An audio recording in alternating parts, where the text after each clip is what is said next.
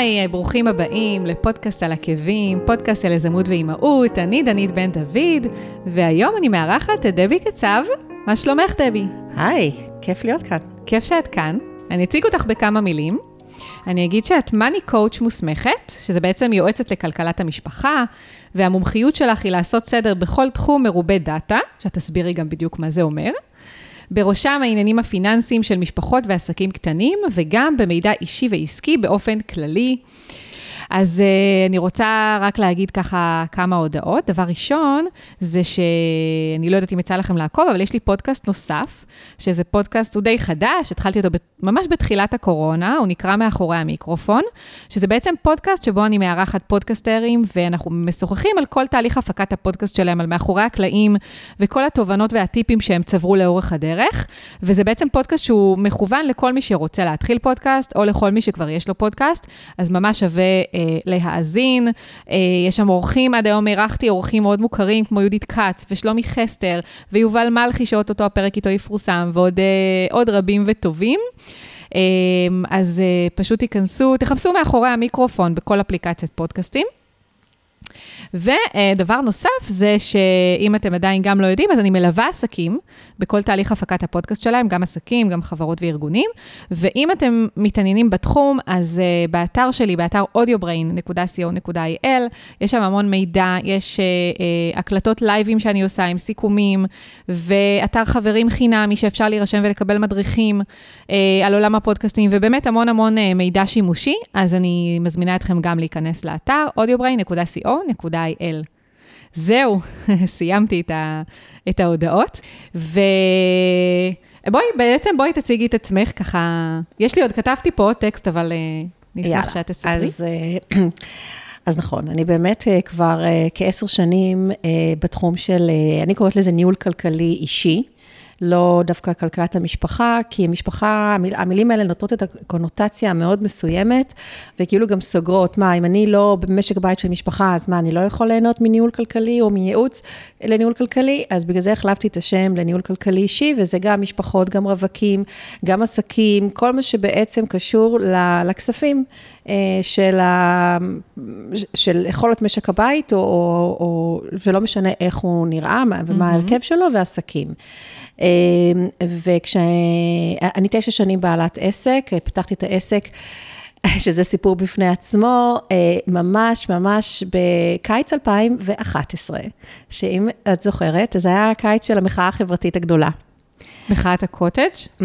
וואו, עבר כל כך הרבה זמן. נכון, ואני שקשקתי, כי גם היה לי, לקח לי לא מעט זמן להחליט שאני עושה את הדבר הזה, שחלמתי לעשות אותו בערך מגיל 18, להקים עסק אה, עצמאי, וגם חשבתי, טוב, כולם יצאו לרחובות, ורוטשילד, ואוהלים, וכל מה שזכור לך מה היה אז. כן. אמרתי, טוב, עכשיו, עם כל הלחץ הזה, פתאום הכל ישתנה לטובה, ואף אחד לא יצטרך את השירותים שלי.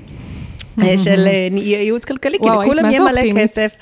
לא, לא ידעתי לאן זה ילך, תקשיבי, אף אחד לא ידע. אנחנו יצאנו לרחובות עם העגלות, את, את, את זוכרת, טרכטנברג כן. וכל הדברים שהיו אז. נכון. אבל בכל זאת אמרתי, טוב, אני מעלה את האתר, העליתי אותו, ובאמת אה, לא ידעתי לאן זה ילך.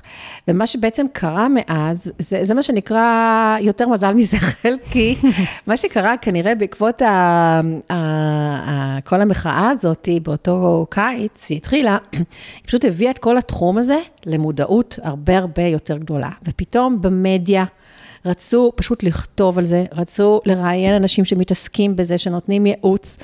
ו... אני אומרת לך, בתוך מספר חודשים, אפילו בלי לחשוב, התחלתי לכתוב טור במאקו. וגם ש... ואני לא כותבת, אני לא בן אדם כותב, אני אדם ריאלי של מספרים, של טבלאות, של רשימות, לא של uh, כתיבה. אבל כשבאמת ההזדמנות הזאת התדפקה על, דל, על דלתי, ככה אומרים, mm-hmm. אמרתי כן, אמרתי לעצמי, עכשיו את, את בעלת עסק, את רק אומרת כן, לא אומרת לא לשום דבר. מה שנקרא, שלח מחאה, אבל בענק. ואמרתי, שאלו אותי, את אה, יכולה לכתוב כמה מילים על הנושא הזה שסיפרת לי? זה מישהו שהכרתי, שהיה לו מישהו במאקו, אמרתי, טוב, יאללה. שלחתי לו, שלח לעורך שלו, אמרו, מאוד אהבו את זה, זה עולה במאקו. אמרתי, מה? ואוקיי, זה עלה, וכמה ימים אחר כך, אה, על מה את כותבת שבוע הבא? ככה. ופשוט ישבתי, עכשיו תקשיבי, זה היה 2011, הילד הגדול שלי היה בן 6, רק התחיל כיתה א', mm-hmm. אני חושבת. הקטן שלי היה בן, אפילו לא בן 3 עדיין. שני ילדים קטנים, אה, בדיוק, אה, בעצם הייתי כבר, הייתי כבר עצמאית, פתחתי את העסק ממש רשמית, ולא... לא היה לי, ידעתי שאני, שזה עסק שהוא לפרנסה. הוא לא עסק קטן וחמוד, הוא לא משהו לעשות אה, בזמן שהילדים עד אחת בבית ספר ובגן, אלא ממש... ידעתי שאני רוצה לפתוח עסק שיביא לנו כסף הביתה. אז פשוט קראתי את עצמי.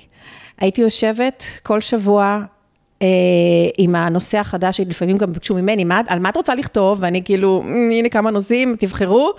והייתי יושבת עד השעות הקטנות של הלילה, כי רוב, את יודעת, אחר הצהריים, וזה היה הילדים, היו נורא קטנים, וגם הייתי מקבלת כבר לקוחות, והייתי צריכה לשבת ולכתוב, וזה היה לכתוב עד שתיים, שלוש לפנות בוקר. ואני חושבת על זה עכשיו, זה באמת היו ימים יפים, אבל היום אני כבר לא עושה את זה, אין, אין לי מי לדבר בשעות האלה. אבל ככה בעצם אה, נכנסתי ל, ל, לעסק בבום, ומשם פשוט הגיעו כל מיני הזדמנויות אחרות של, של מדיה, כי כל התחום הזה פשוט התפוצץ. כן. אה, מבחינת עניין, אה, של, גם של המדיה, גם של אנשים. וככה בעצם התחלתי את זה, והיום אני עוזרת גם לעסקים קטנים, mm-hmm. גם למשקי בית מכל מיני סוגים. Uh, במיוחד בין דברים של uh, ניהול תקציב. אוקיי, okay, אז, אז כאילו, ממה שאני מבינה, באמת התחלת את העסק, והיה לך, לפי מה שאת אומרת, מזל גדול, אבל האמת מעניין אותי לדעת איך הגעת, זאת אומרת, איך הגעת לשם, מה עשית לפני, מה הרקע שלך, okay, אז איך uh... בכלל, כאילו, עברה לך המחשבה להתחיל עסק? זה משהו שתמיד רצית להיות עצמאית, או... אז את... אני אספר בשמחה. כל המקודם כזה, כן. הרקע. אמ, אז אני גדלתי, אני, אני ארגנטינאית במקור. המשפחה שלנו עשתה עלייה בשנות ה-70. הייתי, היינו בארץ עשר שנים, ובתחילת אמצע שנות ה-80 עזבנו לדרום אפריקה. אבא שלי היה רופא, והוא קיבל שם אה, איזושהי משרה. במדינת חסות אה, אפריקאית שהייתה קיימת אז והיום כבר לא קיימת, אז פשוט לקח את כל המשפחה, ארבעה ילדים, אישה, לאפריקה, הייתי בתחילת וואו. כיתה י'. אה, במשך אה, שנתיים נכנסתי שם ישר לכיתה י"א, כי שם השנה מתחילה בינואר ולא בספטמבר. שנתיים למדתי הכל באנגלית בבית ספר של בנות, אה, הכל באנגלית, אנגלית שהייתה טובה, אבל לא אנגלית של יום-יום, לא משנה, עבדתי מאוד קשה, הייתי מהחנוניות האלה, שפשוט אה, לבדה, פשוט רק למדתי. ואז הייתי צריכה לבחור מה אני עושה, ואבא שלי לא רצה לשמוע על זה שאני אחזור לישראל לעשות את הצבא, למרות שאני מאוד רציתי, הוא אז בכלל, אני מדברת על תחילת שנות ה-80, לא היה דבר כזה, חיילים בודדים, זה היה זמנים אחרים לגמרי, לא היה אימייל, בואי. כן. אז לא היה על מה לדבר. אז אה, הייתי חייבת לבחור מה אני עושה, אז זה ללמוד באוניברסיטה. אה, ומכל מיני אופציות שעלו, החלטתי בסוף על, אה, על מנהל עסקים, ובעיר אחרת, בקייפטאון, גרנו בעיר כמה אלפי קילומטר משם, בצד השני של, קייפ, של דרום אפריקה. ועברתי בעצם לקייפטאון אה, לבד, במעונות, ללמוד מנהל עסקים עם התמחות במחקר ושיווק. ומההתחלה, אה, כבר בלימודים את שומעת על כל מיני כאלה שמסיימים, או שכבר מתחילים להתעניין באינטרנשיפס בכל מיני חברות כאלה בינלאומיות, ואני, זה לא עניין אותי בכלל. אני כל הזמן אמרתי לעצמי, את תהיי עצמאית. את יום אחד תפתחי עסק. באמת? מאיפה זה בא לך? לא יודעת. כי לא אבא שלך היה רופא, הוא היה עצמאי, כאילו פרילנס המשפחה, או... המשפחה של, של, של אימא שלי, עורכי דין ואדריכלים, וכולם היו אז mm. בארגנטינה. יכול להיות שמשם, גם אבא שלי היה לו כל, כל הזמן ניסה לעשות כל מיני עסקים, mm. כנראה זה משם. כן. אמ, משהו ב, ביזמות הזה, ב-entrepreneurship, מאוד, מאוד קסם לי, ו... לא יודעת מאיפה זה בא, אבל מה שקרה, כי כמובן דברים לא יכולים ללכת סמודלי, זה שבשנה האחרונה של הלימודים שלי, זה לימודים של אה, בעצם סוג של אה, תואר, תואר שני, ארבע שנים, בשנה הרביעית אבא שלי חלה אה, בסרטן, ו... הייתי, והוא נפטר, תוך פחות משנה, והייתי הגדולה בבית, והייתי חייבת uh, להתחיל לעבוד. הרעיון היה uh, שאני אסע, לפני שהוא חלה, רציתי דווקא לנסוע לארה"ב וללמוד משהו אחר, וקצת uh, לנסות כל מיני דברים, ואז uh, לחזור. אז זה לא, זה ירד מהפרק, הייתי חייבת גם לעזור כלכלית וגם להחזיר הלוואות סטודנטים וכל מיני דברים כאלה, אז מיד התחלתי לעבוד בעבודה הראשונה שנקרתה בדרכי, לא קשור בכלל לשום דבר, גם לא שלמדתי וגם לא שרציתי, אבל הייתי חייבת לעבוד. אז, אה, וזה בעצם היה סיפור חיי עד לפני תשע שנים, שתמיד הייתי חייבת לעבוד, כי אבא שלי נפטר, ודדדה, וכל הסיפור הזה. אה, אז אה, פשוט עבדתי ועברתי ככה כמה עבודות, אבל תמיד כשכירה, בדרום אפריקה אני כבר די ידעתי שאני לא אוכל לפתוח עסק. למה? זה, זה פשוט לא היה על הפרק, זה, זה היה נראה לי מורכב, גם לא ידעתי בדיוק במה. Mm-hmm. לא, אני מדברת על, על שנות ה-90 כבר. אה, לא היה את האינטרנט, לא היה את מה שיש היום, זה, זה כאילו אף פעם לא, לא, לא, לא היה לי את החיבור הזה של מה אני אעשה ואיך אני אעשה, ותמיד הייתי במרדף אחרי להתפרנס mm-hmm. ו, וכל הדבר הזה. אבל למה רצית להיות עצמאית? זאת אומרת, היה לך איזשהו vision בראש של מה זה אדם עצמאי? כאילו, לא, למשל, לא, לא, כאילו, לא, למה פשוט, דווקא... אני חושבת שיש לי קצת בעיה עם authority, עם, mm-hmm. עם סמכות. אה, אני לא מרדנית גדולה. אבל אה, אני פשוט נכחתי במהלך רוב העבודות שלי, וזה יישמע נורא יומרני, אבל הרגשתי שאני יכולה לנהל את הדברים יותר טוב מהבוס שלי, אוקיי? כן. ואמרתי, אם כבר, אז למה לא שאני אהיה הבוס? כן. אוקיי?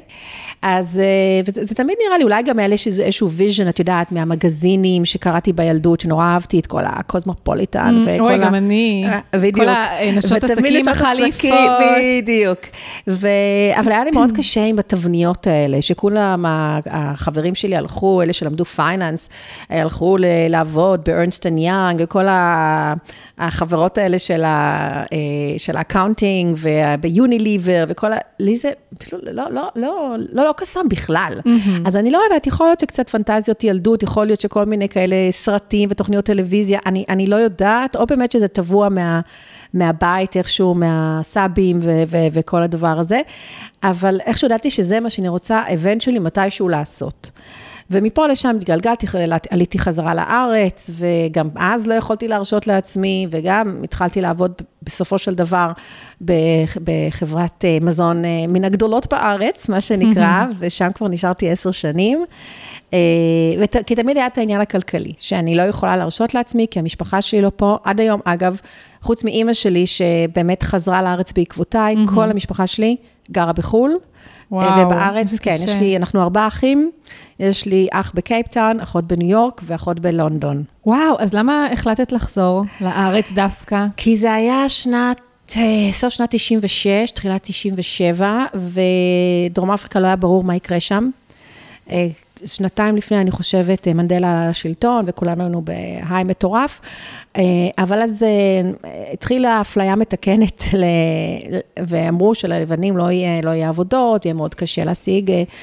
וחוץ מזה, באתי גם לאיזה חתונה של קרובת משפחה שלי בארץ, ואחרי הרבה מאוד שנים שלא הייתי כאן. וזה היה, וואו, ישראל כל כך מתקדמת, כולם עם טלפונים, ו- ואני אומרת לך, זה לא היה ככה בדרום אפריקה. דרום אפריקה זה בכלל מדינה מדהימה, אבל היא, היא, היא פחות מתקדמת אה, טכנולוגית, לפחות אז.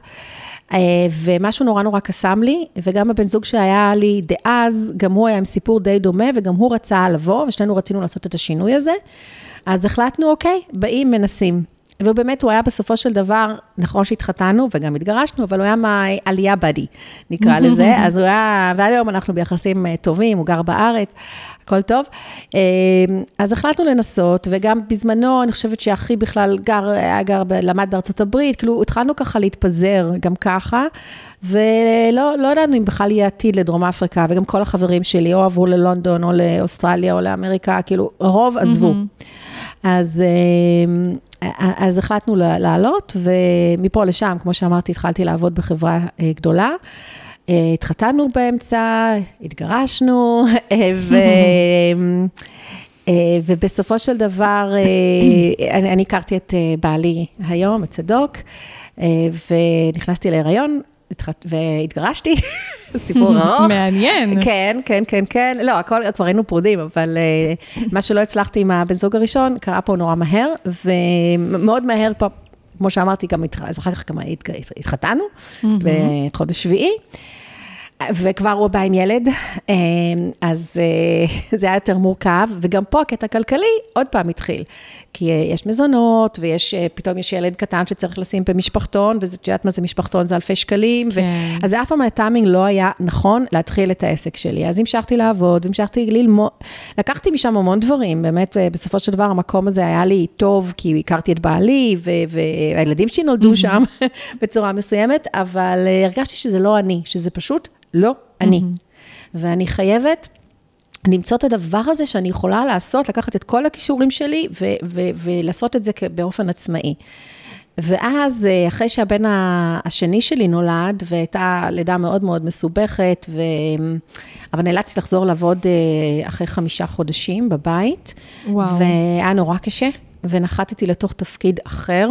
התפקיד שלי נעלם, היה שם שינוי ארגוני מאוד מאוד גדול, חברה מחו"ל קנתה אותם, ונאלצתי, פשוט לא ראיתי את הילד. במשך שנה וחצי, וואו, בקושי ראיתי קשה. את הילד הקטן, כמובן את הגדול, והוא, ואני פשוט נאכלתי מבפנים.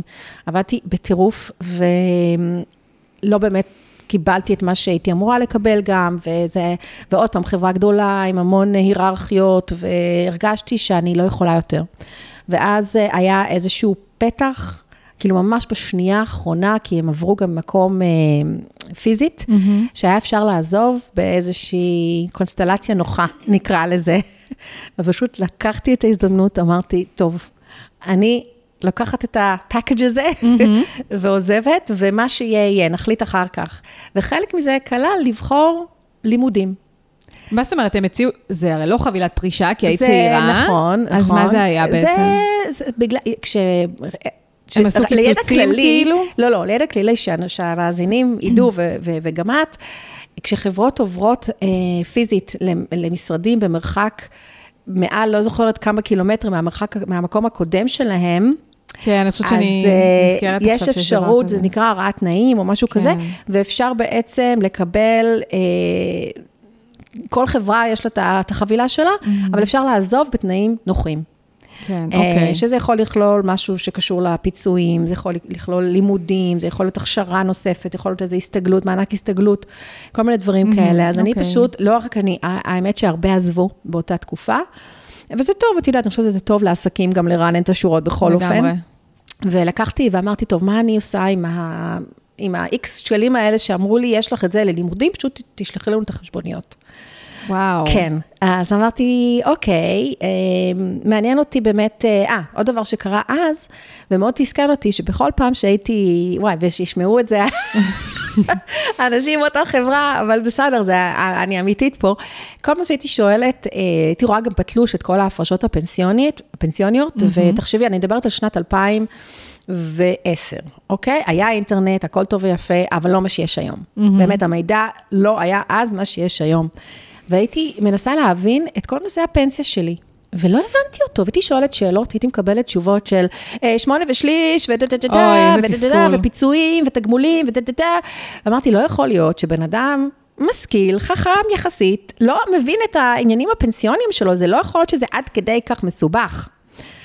אז כשהתחלתי לחפש מה ללמוד, אחרי שעזבתי את המקום הזה, והיה לי את הצ'ק הפתוח הזה, לא פתוח, אבל היה עד סכום ככה מכובד, אמרתי, טוב, יאללה, נלך ללמוד כלכלת המשפחה. הלכתי ל... שמעתי על זה, ראיתי, לא יודעת איפה, קיבלתי איזה מייל כנראה, לא, לא יודעת, לא זוכרת כבר. אמרתי, נלך ל... לשמוע מה זה, נראה כמה זה עולה, אולי זה יתאים, מקסימום אני אלמד קצת על uh, הפנסיה שלי, על הביטוחים, כל הדברים שלא לא הבנתי בהם mm-hmm. אז. וכך היה, פשוט הלכתי כדי ללמוד בשביל עצמי, כדי להבין יותר טוב את הנושאים האלה. ומה קרה אז? תוך כדי הלימודים כבר, והתחלתי לספר לחברים, למשפחה, שזה מה שאני לומדת, והתחילו לשאול אותי שאלות. גם על הפנסיה, וגם על ניהול תקציב, ועל ביטוחים, ועכשיו, מה, אני צוציקית, אני רק לומדת. כן. אבל, אה, כמו תלמידה טובה, אז ישבתי והקשבתי, ושאלתי שאלות, ו- וחקרתי קצת יותר, עד כמה שהיה אפשר, והתחלתי להסביר להם את הדברים שאני בעצמי עד לפני כמה חודשים לא הבנתי, ופתאום אמרו לי, תקשיבי, את מסבירה מה זה טוב, עכשיו אני מבין. די. כן. אמרתי, אוקיי, כנראה באמת, אה, או שלא רוצים שנבין, או שאני באמת מסבירה מאוד טוב, או גם וגם. אה, ואז אמרו לי, את חייבת לפתוח עסק בתחום הזה. אמרתי, מה, מה פתאום, אני לא יכולה להרשות לעצמי, תעזבו אותי, אני, אני אחזור, אה, אני עומדת בשביל עצמי. ובאמת סיימתי את הלימודים. קיבלתי הצעת עבודה מאוד מפתה להחליף מישהי בחופשת לידה, באיזה, גם באיזה ארגון גדול, לקחתי את זה. בתחום, איזה- בתחום, לא, אחר, בתחום בתחום אחר. שלמד, תחום שעסקתי בו בחברה ההיא, אבל בקצת, קצת, במקום קצת שונה. כלומר, משהו שעשיתי, אבל מהצד של הקמעונאי ולא מהצד של היצרן. אני הייתי בצד של היצרן קודם. מה, בתחום אה, שיווק? אה, באיזה תחום? שיווק, אה, זה שנקרא שיווק קמעונאי, אוקיי. כן. והייתי אומללה, פשוט הייתי אומללה מהמקום הזה. וזה גם היה המקום, אבל כבר אני, אה, הלם בי בראש שזה לא מה שאני רוצה לעשות. יש לי גם מחלה כרונית, קון, ועל השבועות הראשונים הייתי חולה, אושפזתי, הכל, הכל וואו. כאילו פעמונים, זה לא המקום שלך. וואו. אז אחרי ארבעה חודשים, שבאמת הרווחתי ממש יפה, וכל הפינוקים, וגם ככה היית צריכה לחזור מחופשת לידה, אמרתי לעצמי, ועכשיו אני מדברת על, עוד פעם, אנחנו מתקרבים לקיץ 2011, אוקיי? הכל כן, מתחיל ככה, לקראת אה, המחאה. לקראת המחאה. ואני אמרתי, טוב, סיימתי לעבוד אולי ביולי, אוגוסט, לא זוכרת. אמרתי, זהו, אני יושבת, פותחת אתר לבד, מעלה, פשוט יוצרת אותו, לומדת לבד, מעלה לבד, וזהו, זה, ככה פותחת את העסק. ואיך, ל- מאיפה השאבת מידע? פשוט מגוגל, יוטיוב וכאלה? מה, איך ללמוד, איך לפתוח איך אתר? כאילו, כן, לעשות את הדברים האלה. אה, אני חושבת שפתחתי את זה ב LiveCity או משהו כזה, אוקיי. שזה כאילו בני אה, אתר כן, לבד, נורא נכון. פשוט. אחי, היום אני, הוא לא פתוח כבר, אבל היום יש לי אתר מכובד, אבל אה, פשוט, הוא היה אתר חמוד נורא, בצבעים שלי של הוורוד וזה, ואמרתי, אני אעשה, עשיתי מחקר כמובן, הסתכלתי על כל מה שהקולגות שלי עשו אז, ואמרתי, אני אעשה את הדברים בדרך שלי, שהיא דרך אחרת, הדרך שלי, מי שיתחבר, סבבה. מי שלא, גם סבבה.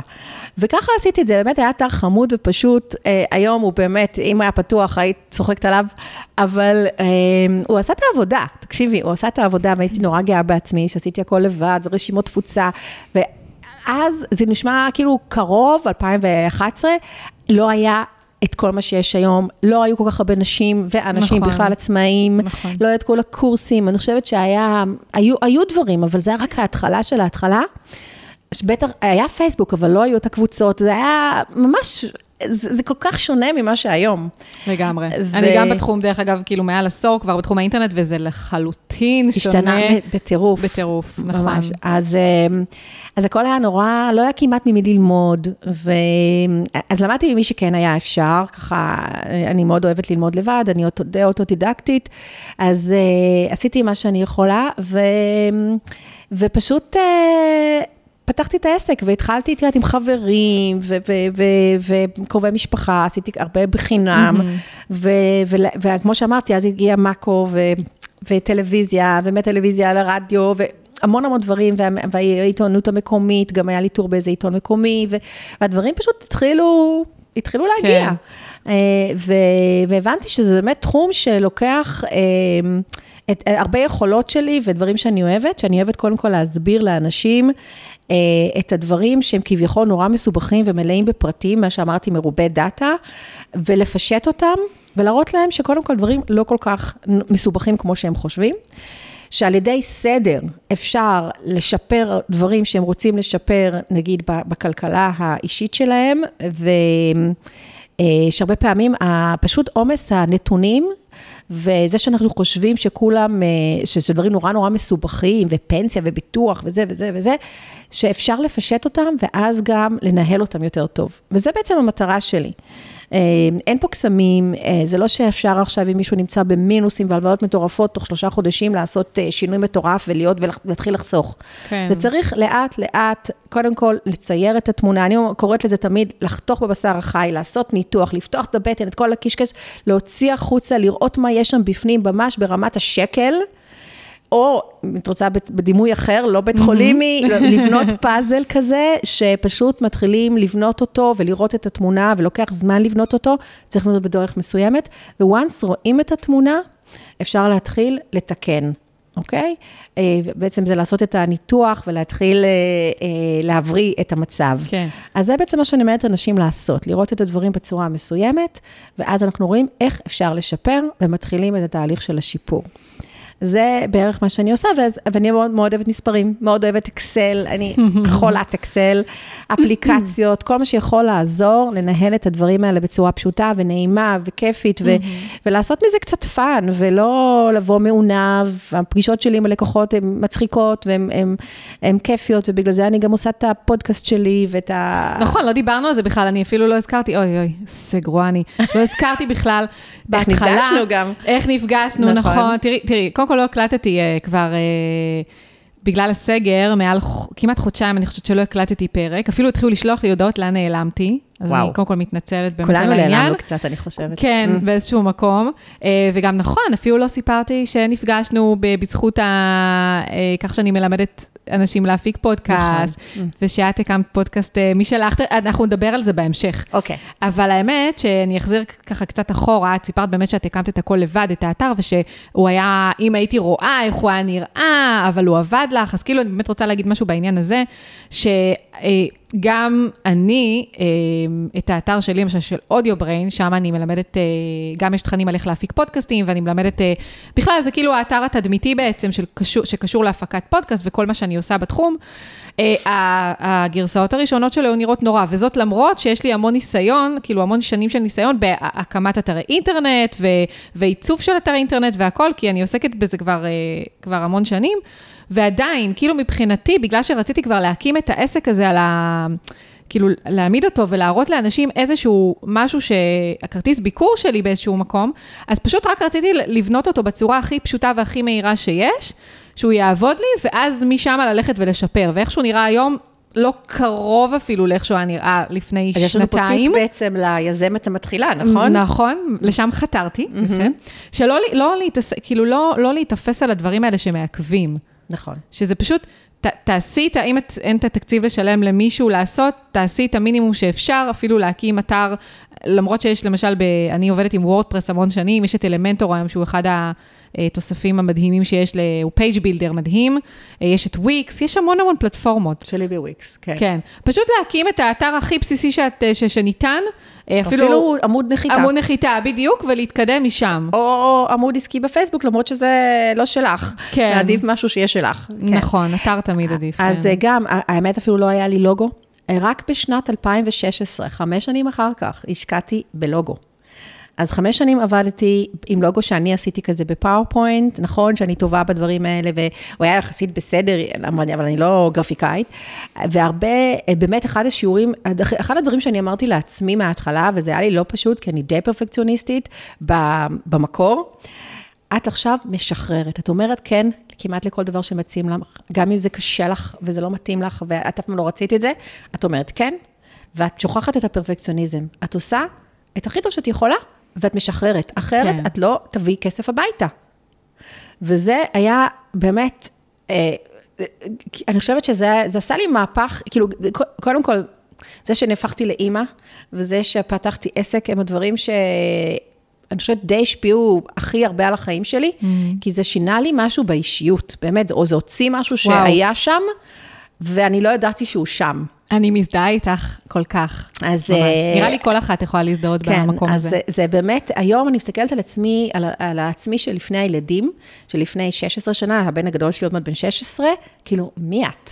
והייתי כבר בת 36, תביני. אה, וואו. כן, okay. אוקיי. הוא נולד, אה, הייתי בת 36. כאילו, כבר האישיות שלך באיזשהו מקום הייתה מאוד מאוד מעוצבת. 36 זה גיל אה, כן, מעוצב. נכון, האמת נכון, גם אני בגיל 34. אבל אני מרגישה שעד שבאמת אה, אה, הפכתי לאימא ואחר כך לעצמאית, כאילו, רק התברדקתי בעולם, כאילו לא, לא, לא, לא מצאתי את עצמי.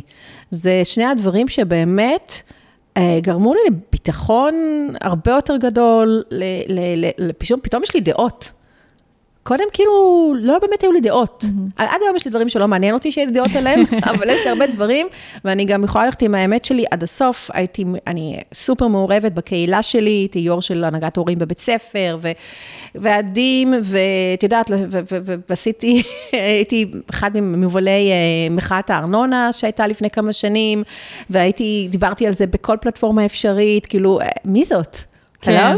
מי זאת האישה הזאת? אני חושבת נכון. שלפני 20 שנה לא הייתי מסוגלת לעשות את הדברים האלה. אז אמ, גם עצם העובדה שהפכתי לאימא ויזמית נקרא לזה, או עצמאית, כן. מאוד עיצבו לי את האישיות. כן, אני לא רוצה חלילה כמובן לפגוע, יכול להיות שיש גם אה, נשים שהן לא אימהות זה הסיפור שלי. כן, כן. אבל כאילו, אני מאוד מזדהה עם התחושות שלך, כי כאילו, אצלי למשל, אני גם מאוד מאוד אה, השתניתי והתפתחתי מאז שהבן שלי נולד.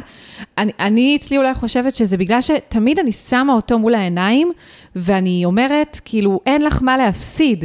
כאילו, בקטע של, את חוששת לעשות משהו, אבל תכלס אין לך באמת מה להפסיד, ויש לי אותו תמיד מול העיניים, שהוא הדבר הכי חשוב לי, כאילו, בין, יש עוד כמה דברים, אבל כאילו, אחד הדברים הכי חשובים לי בחיים, אני גם רוצה להוות דוגמה טובה עבורו. בדיוק. ולהראות לו ש, שצריך להתמודד עם הפחדים, ו, ולמרות שאני עכשיו משקשקת סתם לדוגמה לעלות מול במה, שבפעמים הראשונות שעשיתי את זה ונתתי הרצאה, הייתי, שקשקתי לחלוטין, אני חייבת לעשות את זה בשבילו, כדי שאחר כך, כאילו, אני, אני אהווה דוגמה אישית עבורו. נכון, וזו לגמרי. הכוונה שלי. לגמרי, וגם הבנים שלי, ויש לי שני בנים, אמ, לגמרי גם, אז אני חושבת שהרבה דברים בעסק שעשיתי, וכל מיני יוזמות ורעיונות, זה בזכותם, ו- ולגמרי להוות דוגמה, ובמיוחד, אה, אה, בגלל זה גם כתבתי על זה לא מעט, שכל הנושא של אה, יום האישה וזה, הם בכלל לא מבינים כאילו, למה צריך את זה? כי מבחינתם אישה וגבר זה אותו דבר. אז, כי זה מה שהם ראו בבית. אה, וצריך תמיד להסביר להם שזה שהם רואים בבית דבר אחד, זה לא, זה לא אומר שזה ככה בכל העולם ובבתים אחרים ו- וכולי וכולי, אבל זה מה שהם רואים בבית, ועל זה אני, אני מאוד אה, גאה, ושהצלחתי לייצר את הדבר הזה. אה, אז מה הייתה השאלה? אז האמת, אה, האמת מעניין אותי, אני לא זוכרת כבר מה הייתה השאלה, זה, זה ככה נטייה מאוד טבעית כן. בראיונות שלי, שפתאום אה, זה זורם לכיוונים אחרים, אבל אני אשמח אה, לשמוע, אה, את ככה, הבנתי שבעצם העסק התחיל ככה לפרוח, כי גם התחלת לעשות כתבות במאקו, ופתאום קיבלת כל מיני הצעות, ובעצם היית מייעצת לחברים והכול, אבל מתי זה באמת באמת הפך לעסק, עסק שמכניס, זאת אומרת, שממש, את יודעת, כאילו, שהרגשת שוואלה, זה באמת באמת עסק. אה, תראי, אין ספק שבשנים האחרונות, אה, תראה, השנים הראשונות היו קשות, אני לא אשקר.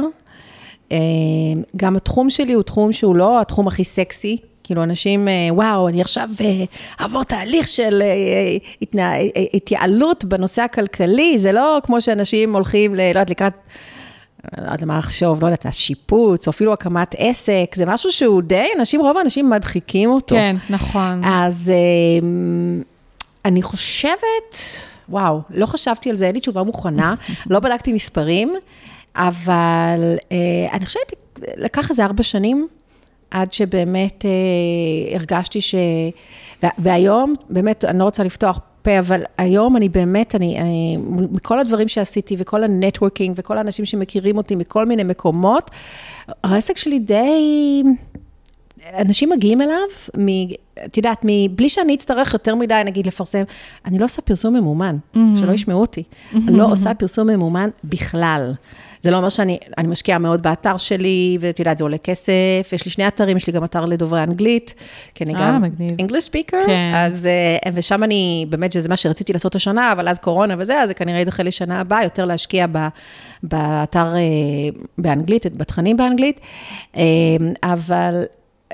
אה, אה, פשוט קחו את הזמן, הדברים לוקחים זמן, זה בדרך כלל לא, קונים, לא קורים מאוד מהר, תלוי מאוד מה העסק, אבל בת- בתחום שלי זה לקח זמן, וזה באמת למצוא את הקול הייחודי, ולעשות שיתופי פעולה עם, עם קולגות, ו... ולא לפחד להביע את דעתך, גם כשהיא, ש... גם כשהיא שונה. אני, אני חייבת לציין משהו וקצת ככה טיפ כזה. אה, אחד הדברים הראשונים שעשיתי, בגלל שהבן שלי, אה, אה, כמו שאמרת, הוא היה בן, בערך בן שש כשהתחלתי את העסק, אחד הדברים שקרו זה שפתאום כל שבוע יום הולדת. מכירה את זה כבר? בגן, עדיין לא, אנחנו- הוא-. הבן שלי בן ארבע, אה. אבל... אז בבית ספר כל שבוע יום הולדת, וואו, וואו. כל שבוע את צריכה ללכת לחפש מתנות. עכשיו, נורא כיף, מסיבות, סבבה, ואני מאלה שדוחפים, ואתה הולך, גם אם אתה לא חבר של הילד, בסדר? כן. מצוין. אבל כל שבוע מתנה, כל שבוע 30, 40, 50 שקל. זה המון כסף. מצטבר. תחשבי כן. עוד, יש לך גם עוד ילד ועוד ילדים. כן. ואז יצא שככה, בשיחות עם אמהות אחרות, אה, את יודעת, תוך כדי שאנחנו מחכות גם בימי הולדת, כי בהתחלה הם מלווים אותם וזה, אה, שמעתי שגם אחרות מרגישות ככה. זהו, לא נעים לנשים לדבר על זה, זה קטע. אז, לא נעים. אה, אז פתחתי את זה. אז כן פתחתי ואמרתי, תקשיבי, אני לא יכולה. היום, שני, השבוע שני ימי הולדת, בום, 100 שקל. שבוע הבא עוד, כאילו, אני גם לא מוצאת מתנות, גם לבנים זה נורא קשה למצוא נכון. מתנות, מתנות זולות, כי כל מתנה היא יקרה. עוד לבנות, מדבקות, טושים, לבנים, תשכחי מזה. אז, אה, ואז שמעתי מאמהות אחרות שגם להם זה קשה. אמרתי, את יודעת מה, את, את יועצת כלכלית, בואי תעשי משהו. אז כשהיה בערך בכיתה ב', שזה כבר השנה השנייה שלי של העסק, קמתי באספת ההורים, ובתחילת שנה, ואמרתי, תקשיבו, השנה בואו נעשה משהו אחר לגבי ימי הולדת. אה, ונורא שקשקתי, באמת ששקשקתי, כי לא ידעתי איך ההורים יקבלו את זה, אבל אמרתי, אני חייבת לנסות את זה. ואמרתי, בואו נעשה דבר כזה, שכל פעם שיש יום הולדת, אז כל ילד יגיע ליום הולדת עם 20 שקלים במזומן, בתוך מעטפה, ויחד עם המעטפה, ברכה. שהילד יושב וכותב, או אתם עוזרים לו, הוא מצייר, מדבקות, לא יודעת מה, ובסופו של דבר, נגיד 30 ילדים מגיעים, לא תמיד כולם מגיעים, יש כן. לילד החוגג, שהוא בכיתה ב', בן 7, יפה. 600 שקלים. סכום מכובד. תחשבי. עכשיו, אתם יכולים להחליט יחד איתו מה לעשות עם זה. לקחת 100 שקל ולקנות לו מהצעצוע, לשים 100 שקל בצד, לתרום, לא יודעת מה. בואו נטרין, קודם כל נוריד מעצמנו את העול הזה של ללכת לחפש מתנות יקרות. גם ככה, רובנו חוזרים לחנות עם רוב המתנות, כי כבר יש לנו, או זה לא מוצא נכון. חן בעינינו, ואנחנו צריכים לחזור עם 100 שקל לחנות הזאתי, עם 80 שקל נכון. לחנות ההיא, בזבוז 40 זמן. שקל, חלק אפילו את לא יכולה להחליף. אז, אה, ולתדהמתי, רוב ההורים, ההורים אמרו, רעיון מעולה. אמרתי, וואו, אוקיי, נהדר. עכשיו אני הולכת לכתוב על זה. ואז התחלתי בעצם לכתוב ולקדם את הרעיון שנקרא מתנה במעטפה. ומאז, זה, כמובן שהיו לזה מתנגדים, מה, מה? מה ילדים כזה? וכסף, זה גיל גאוני. שש, שבע, כסף, מה פתאום? איך נקלקל את הילדים התמימים שלנו, שהם ישחקו עם כסף, ויהיה להם כסף? הילדים מצפים לקבל ערימות, הררים של מתנות, וואי, זה כל כך לא ולפתוח. נכון. אבל היום אנחנו חושבים על זה ככה. כן. תחשבי לפני, אני מדבר על 2012, משהו כזה, הייתה את התפיסה הזאת. ו... ואז אמרתי, תקשיבו, קודם כל, מי שלא רוצה, לא חייב. אבל מה? עדיין תדעו שאני רק אשים 20 שקלים, אני אלך עם עוד אימא, היא תשים עוד 20, עם עוד אימא, אנחנו כן. ניקח 60 שקל, נקנה לו מתנה אחת. זה לא שעכשיו מי שלא רוצה את זה יקבל מתנה יותר גדולה, לעומת מי שכן רצה, אנחנו פשוט נתאגד. כן. אוקיי? שזה גם הפתרון שלי תמיד למי שאומר, אה, דה דה. דה. חוץ מזה, עד גיל 6-7, קודם כל תדברו עם הילד שלכם. אם הוא באמת אומר, ואני ניסיתי את הניסוי הזה הרבה פעמים, וכשאת שואלת את הילדים, הם בעצמם מבינים שיותר שווה לקבל 600 שקל, מאשר לקבל עכשיו מלא מתנות אה, קקמייקה. תשאלו את הילדים, כן. אם לא מתאים לילד שלכם, אז בסדר, אז נעשה את הדבר השני. אה, וחוץ מזה, עד גיל 6-7 הוא כבר עבר הרבה ימי הולדת שהוא פתח את האריזות ונהנה מלקרוע את הנייר ולהגיד, וואו, איזה יופי, לפתוח, לשחק עם זה חמש דקות ואז כן, להזניח את זה. ממש אז, ככה. אז בואו. אה, ועכשיו, מה שקרה ברבות השנים, שזה באמת השתרש בהמון מקומות, ואז הגיעו האפליקציות.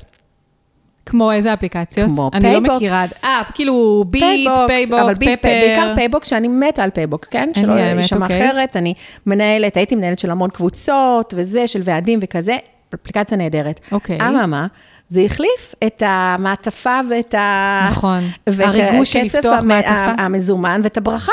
כן. אז נורא קשה להילחם בטכנולוגיה, ובטח לא אני, שאני אוהבת טכנולוגיה, אבל אה, זה הפך כאילו, זה קפץ מדרגה, מרתיעה לגמרי להתעסק עם, עם כסף, היום ב PayBox אוספים כסף לילדים בני ארבע ליום הולדת. איזה מגניב. אז זה מגניב מצד אחד, מצד שני, אני לא יודעת, אני חושבת שזה קצת, אה, קצת מפספס את המטרה, כלומר, מרתיעה מחלק, שאנשים שנרתעו מהרעיון אז, כן. זה הפך כאילו ליותר, לקחו את זה למקומות שלדעתי הם לא כל כך טובים, גם, התייעצתי עם אה, מומחים בתחום, וגם הם אמרו, עדיף בגילאים היותר קטנים, לפחות עד גיל, אה, לא יודעת מה, 11 כזה, 10-11, כן, שעדיין יהיה את הכסף המוחשי, כי זה גם עוזר לחינוך הכלכלי של הילד, שיבין את הערך של הכסף, שיוכל להחליט, יותר קל כשזה, כשזה נכון, ממשי. כשזה ממשי. וגם יש את הקטע של הברכה, ברגע שזה הכל אפליקציות, אפליקציות, רוב ההורים לא ישבו ויכינו ברכה עם הילד שלהם. כן. אז אה, לא שכרגע יש הרבה ימי הולדת, אבל אני מדברת על לפני קורונה, והופפולי כן. אחרי קורונה, נחזור לזה בתקווה. אה, אבל אפשר, סתם לדוגמה, להעביר ל- ל- לאותו הורה, כל אחד מעביר את הכסף. ולקוות שההורה באמת ישתמש ואז שההורה בזה. ימשוך את הכסף, וכאילו, כן, ברור. לא, כאילו... וכבר שמעתי על הורים שאמרו, אה, איזה כיף, עכשיו אני אשלם על מסיבת יום הולדת מהכסף הזה. שמעתי גם על זה. טוב, תמיד יש... אה, אה, כן, יוצא דופן. כן. אבל הרעיון הוא באמת כן לתת את ה... לילדים שלי עד היום, יש להם אה, קלסרים. עם כל הברכות ברכות. שקיבלו מכל ימי ההולדת, והם אוהבים מאוד לדפדף בזה. ולראות איזה מצחיק זה היה, ואיך ההוא כתב, ותראה איך הוא כתב, ות- והם חברים שלהם, עד היום. אז זה נורא, אז זה נורא יפה ומרגש שיש את הברכות האלה, ועד היום, אה, ככה גם הילדים שלי התחנכו, ורוב הדברים שהם קונים, הם קונים לעצמם, גם מכספי יום הולדת, וגם מהיום מה- מהעבודה, כן? כן. אבל גם אז, כשהם היו יותר קטנים, הם ממש חיכו לזה, כי הם ידעו שעכשיו הם יוכלו לקנות את ה... לא יודעת מה, את האייפד, או כל מיני דברים שהם כבר רצו בגילאים, אה, דברים טכנולוגיים, כן. שהם רצו אז. אז זה היה כל הזמן להמציא, כאילו, מתוך הצורך שלי, כאימא ועם הילדים, המצאתי את הפתרונות. וזה אחד הדברים שאני הכי אוהבת לכתוב עליהם, או לדבר עליהם, ו- ו- ו- ובכלל אה, אה, לקדם, זה הנושא של הורים, ילדים וכסף. רציתי אה, באמת לשאול אותך על זה, כי הבן שלי עכשיו בן ארבע, סליחה שקטעתי אותך.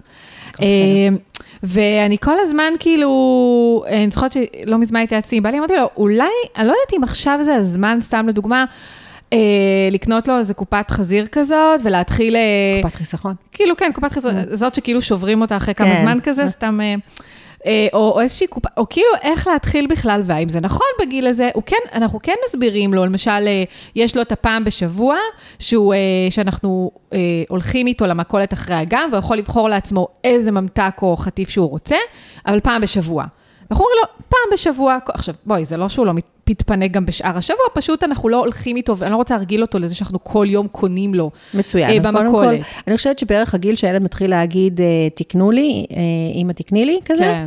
שזה בערך גיל שלוש, אני חושבת, אז באמת זה הזמן להתחיל, ובאמת, בכל גיל יש את הדרכים אה, שלהם, אה, אה, שמתאימות, ל- דרכים שמתאימות לגיל הספציפי, ואחד הדברים זה באמת לעשות את הדבר הזה. אתה יכול לקנות, עד ב- להסביר להם קודם כל, קצת להראות להם מה זה מטבעות, ומה זה שטרות, קצת לשחק עם זה, יש אה, גם ספרים ויש אפליקציות ויש אתרים, גם מותאמי גיל, אז אפשר לבדוק אותם. יש גם את מוזיאון הכסף, אני לא יודעת אם הוא פתוח בימים אלה, בלילינבלום, אפשר וואלה, ללכת. לא כן, שמעתי. כן, כן, כן, שזה כן, היסטוריה, קצת יותר היסטוריה, לגילים יותר גדולים, אבל, אבל יש את זה. אה, ולהתחיל פשוט להסביר, אוקיי, אנחנו השבוע, זה הפעם בשבוע, יום שלישי, זה היום שקונים את החטיף, אה, ואתה יכול לקנות עד עשרה שקלים, ובוא נראה מה זה עשרה שקלים, ואתה יכול לקנות או שניים כאלה, או אחד כזה, או חמש כאלה, בוא נראה כמה ביחד, ובוא נראה את הערך, ואולי נלך לעוד חנות ונראה כמה הדבר הזה עולה. אולי הבמבה שרצית, פה עולה שתיים וחצי, ושם היא עולה אחד וחצי. קצת להראות להם גם השוואת מחירים. אוקיי. אמ, זה ו- מתאים בגיל ארבע למשל? סתם מתוך כן, עניין? כן, כן, כן, הם מתחילים כבר להתעניין במספרים בגילאים האלה. כן, מאוד אה, מתעניין. אז אפשר להראות להם, עוד פעם, ממש בתלוי גיל, אה, ובעדינות, וממש בעדינות, כי זה הגיל שגם מתחילים לבקש המון דברים. אני חושבת שבגיל. הזה התחילו גם עם כל הקלפים, קלפי איסוף, וכל מיני דברי איסוף אוספים, אלוהים אדירים כמה כסף הוצאנו על האיסופים האלה, וזה תמיד היה, אה, מגיל שש בערך, זה היה מכספם. אז זה היה עוד יותר, אה, אבל זה מהכסף שלי, כי זה באמת מהכסף שנגיד היינו, אה, התחלנו גיל, אה, התחלנו דמי אה, כיס בערך בגיל שש כזה, את יודעת, חמישה אוקיי. שקלים אה, לחודש כזה, ממש בקטנה. כן. אז בוא, אתה יכול לצבור, ואז יהיה לך ותוכל לקנות. אז ממש לעשות את זה בעדינות לפי, לפי גיל, ויש מלא חומר באינטרנט, גם, גם אצלי, אוקיי. על אה, דברים שמותאמים לגיל, ולא לפחד לדבר על זה. אני חושבת שזה מה שהכי חשוב, לא לשים, אה, לא מדברים על כסף, כזה דבר מלוכלך. את, לא צריך להסביר להם כמה ההורים מרוויחים, כן. אבל כן אפשר להתחיל גם להסביר על, אה, על זה שהרי הם לא רואים שאנחנו מוציאים על חשמל, הם לא רואים את זה. כן. אה, הם רק רואים מה שאנחנו מוציאים את הארנק ומשלמים עם כרטיס, עם הפלסטיק, עם האשראי או עם המזומן. אז גם להסביר שגם לגור בבית עולה כסף, יש שכר דירה או יש משכנתה, אצל רוב האנשים. אה, חשמל, אז אנחנו מדליקים את, ה, את, את, המעב, את המזגן, כן. אורות, זה עולה כסף. מי שאוסף פה את האשפה, זה לא בחינם, אנחנו משלמים מס לעירייה, ארנונה, כן. כדי שתוכלו וכדי שתוכל גם ללכת לגן. כלומר, כל הדברים האלה זה דברים שהם לא רואים. אז אפשר לה, אפשר אפילו, עשיתי פעם, יש לי גם בהרצאות שהייתי נותנת, הייתי ממש עושה את זה עם uh, תמונות, כדי להראות את כל הדברים, ביטוח, דברים שהם לא רואים. אז הם לא מבינים, כן. כשאנחנו אומרים, אין לנו תקציב לזה, הם לא מבינים למה, כי הם לא רואים את כל הדברים שאנחנו משלמים מסביב, שהם לא מוחשיים. אז לאט לאט עם הגיל אפשר להסביר להם את כל הדברים האלה. אני, היום, שהילדים שיותר גדולים, אני גם מראה להם לפעמים את החשבונות, נגיד את חשבון החשמל, או המים, ואני מראה להם, תראו כמה הוצאנו ותראו איך זה עלה. אה, יפה. כן, ואפשר... וזה לא... מעניין אותם? כאילו, הם גם משתפים פעולה בסיפור כן, הזה? כן, והם רואים לפעמים את המספרים ואומרים, או-אה. כאילו, כן, את יודעת, חשמל בקיץ זה hmm, לא מעט. כן, זה נוראי. גם כדי לעזור להם לזכור, נגיד, לכבות את האור ולנתק מהחשמל את המטענים וכל הדברים האלה, אז אה, חשוב לי לשתף אותם. אז אז עוד פעם, הכל בעדינות, תלוי גיל, ולא לפחד מזה. כן. אבל גם לא לתת להם דברים, הסברים כמו, אין לנו כסף. כי זה לא כן. לא נכון, וזה זה גם מלחיץ, אני חושבת, כאילו, אנחנו העוגן שלהם, כאילו, מה זה אומר מבחינתם? אנחנו זורקים עליהם תיק, אה, נראה לי מלחיץ כזה. ועוד דבר שמאוד חשוב גם להסביר להם, שלא כל מה שהם רואים אצל החברים, זה אמיתי, כלומר שזה באמת אומר שאם הם רואים את האבא או את האימא של החבר עם איזה BMW, מרסדס, לא יודעת מה, ג'יפ, שזה אומר שיש להם מלא כסף. הם לא יודעים כן. אם זה כן. בעבודה, הם לא יודעים אם הם קיבלו את זה, לא, זה לא אומר כלום על הסיטואציה שלהם, נכון. וכל אחד יש לו את הסיפור שלו, והם אף פעם לא יודעים מה קורה בבית של מישהו אחר, שלא יסיקו מזה את המסקנות. וגם אצלי אין דבר כזה לכולם יש ולנו אין. כשאומרים לי כולם, אני אומרת, אוקיי, תביא את. אה, בוא, ניקח את, אה, נפתח את הנוט בטלפון. כן. בוא, תגיד מי זה כולם. מתחיל להגיד לי, אמ... ואז כן, פתאום צריך לחשוב. ואז שניים, אז אני אומרת, אוקיי, עכשיו אני מתקשרת להורים, בואו נבדוק. אמ, ואז זה בעצם שניים, זה לא כולם. כן. כלומר, אפשר אה, להתמודד עם הדברים האלה. אה, ואז אומרים שאנחנו רציניים, ואנחנו לא נופלים בכולם יש, ובכל המניפולציות הרגשיות האלה שמנסים לעשות לנו. כן. שתביני, כמה שהילדים שלי מחונכים כלכלית, הם סופר מותגיסטים, הם מאוד אוהבים את כל השמות, עכשיו במיוחד בבגדים, הם אוהבים להתלבש יפה וזה. אני אומרת להם, אין בעיה, כל מה שאתם רוצים שהוא מעבר למה שאנחנו חושבים שהוא סביר, כן. שלמו מכיסכם. בשביל זה אתם עובדים, בשביל זה אתם חוסכים, בשביל זה יש לכם דמי כיס, אז לא תוציאו על דברים כן. אחרים, תוציאו על זה, אין בעיה. ואז הם חושבים פעמיים, והם למדו ממש ללכת ולבדוק ולהשוות מחירים, אבל זה שוב, זה תהליך שקורה, זה לא כן. יום אחד. כן, האמת שזה מדהים, כי גם אני בתור נערה, אני מגיל, אה, אני חושבת שמגיל 14, אני בכלל, אני כאילו, אני עבדתי. ומהכסף שלי הייתי קונה לעצמי דברים וזה, אבל אה, זה לא מובן מאליו, אני שומעת על לא מעט אה, חבר'ה, כאילו, כשאני שומעת על מישהו בן 16, עזבי 14, 16, 17, שכאילו הוא לא בנוסף לבית ספר גם עובד באיזה עבודת אה, חלטורה כזה, אני כאילו, מה? איפה אתה חי? כן, זאת אומרת, זה מוזר לי, ואני עוד, בוא, אני ב-38, אוטוטו. Mm-hmm. כאילו, 14 הייתי מאוד מאוד, לפני המון המון שנים. אז, כאילו... אז גם אני, אמ, נכון שבחודשים האחרונים זה יותר קשה, כן. אבל היום גם יש הרבה בני אה, עשרה כאלה שעושים כסף אונליין בכל נכון. מיני דרכים.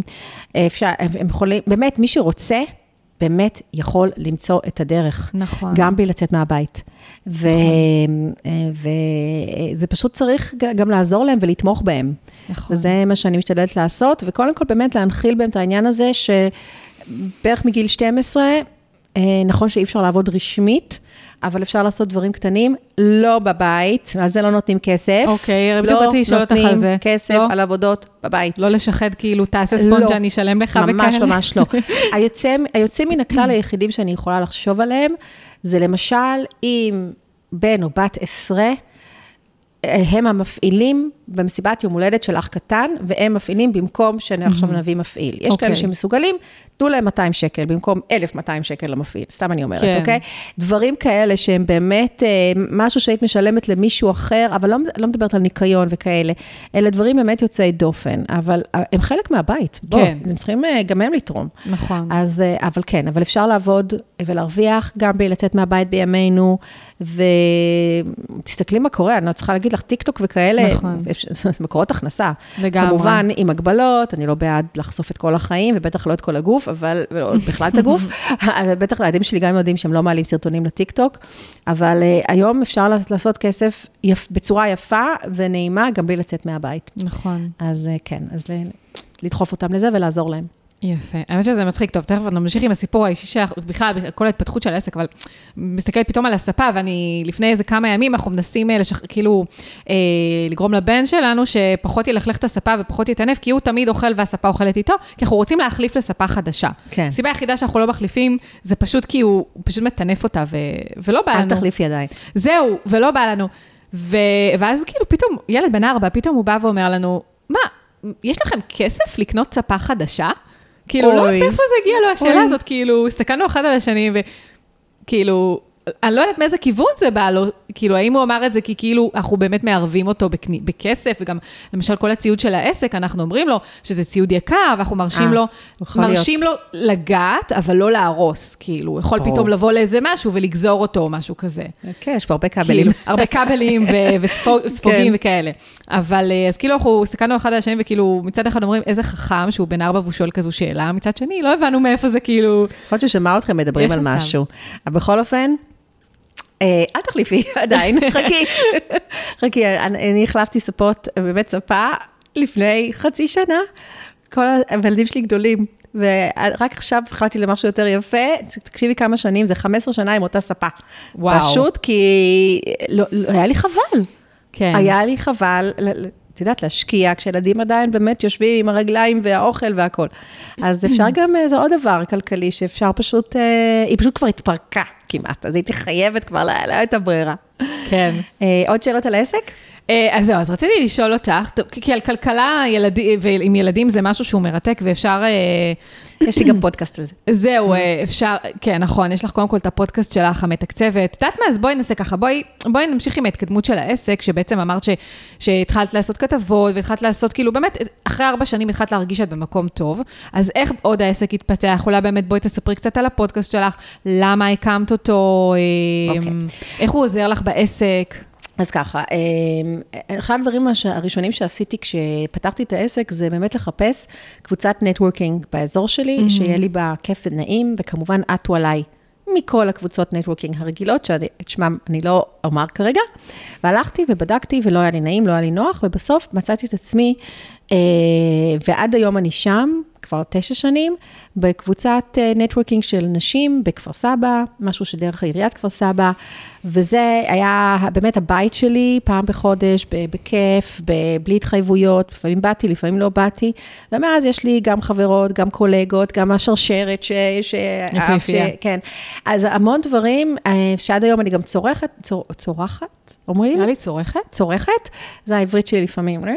אה, מהם והם ממני, ומשם המון המון דברים יצאו. אז אחד הטיפים שאני כבר נותנת להתפתחות העסקית, תמצא, תמצאו את, ה, את המקום, את הקבוצה הזאת שנוח לכם בפורמט שנוח, ותתמידו, אוקיי? כי אתם תגדלו יחד איתם. והיום באמת אה, אנחנו קבוצה לא קטנה של, אה, אה, של חברות סלאש קולגות, כל אחת בתחום שלה, שאנחנו מלוות אחת השנייה הרבה מאוד שנים. הרבה מאיתנו משם, היום הם גם מנטוריות בתוכנית ליזמים צעירים בכפר סבא, שזה נורא כיף. אני עכשיו מתחילה ביום ראשון את השנה הרביעית שלי כמנטורית שם. וואו, אז מגניב. כל הדברים האלה, כל ההתעסקות הזאת, שהיא וולונטרית אגב, לחלוטין, המנטורים, גם מביא לך עוד... זה, זה, זה כאילו שם אותך במקום אחר, כלומר, גם להתמיד, גם מכירים אותך, וגם אם הייתי באה ולא באמת הייתי נתרמת יותר מדי מהתכנים של אותו מפגש, זה שאני שם, זה שזה סוג של הפסקה, זה שמכירים אותך ורואים אותך, אז זה, זה הכל, זה הכל דברים קטנים כאלה שבסוף אה, הם תורמים ל, ל, לזה. כן. ל- ל- ל- להגיע למקום הזה. עכשיו, לגבי הפודקאסט, מה שקרה, זה שבמשך כמה שנים היה, הייתה לי פינה ברדיו, אמ, רדיו כל הים האדום באילת. כל שבוע, אה, ברביעי בבוקר, הייתה מתקשרת אליי השדרנית, הש- החליפו שדרניות אה, כמה כמה פעמים אבל... אה, אה, והייתה, ותמיד הייתי מכינה, אתה שואלת אותי מראש, על מה את רוצה לדבר, אתה נותנת לי כמעט חופש לדבר על מה שאני רוצה, שבע דקות כזה, הייתי בדרך כלל לוקחת איזה נושא אקטואלי, ככה ש... אבל תמיד מחברת את זה לכיס האישי, ומדברת על זה איתה, והייתה שולחת לי את ההקלטות. ובמשך שנים לא עשיתי עם זה כלום. מדי פעם הייתי מעלה חלק לערוץ יוטיוב שלי, אבל זה לא, לא היה זה.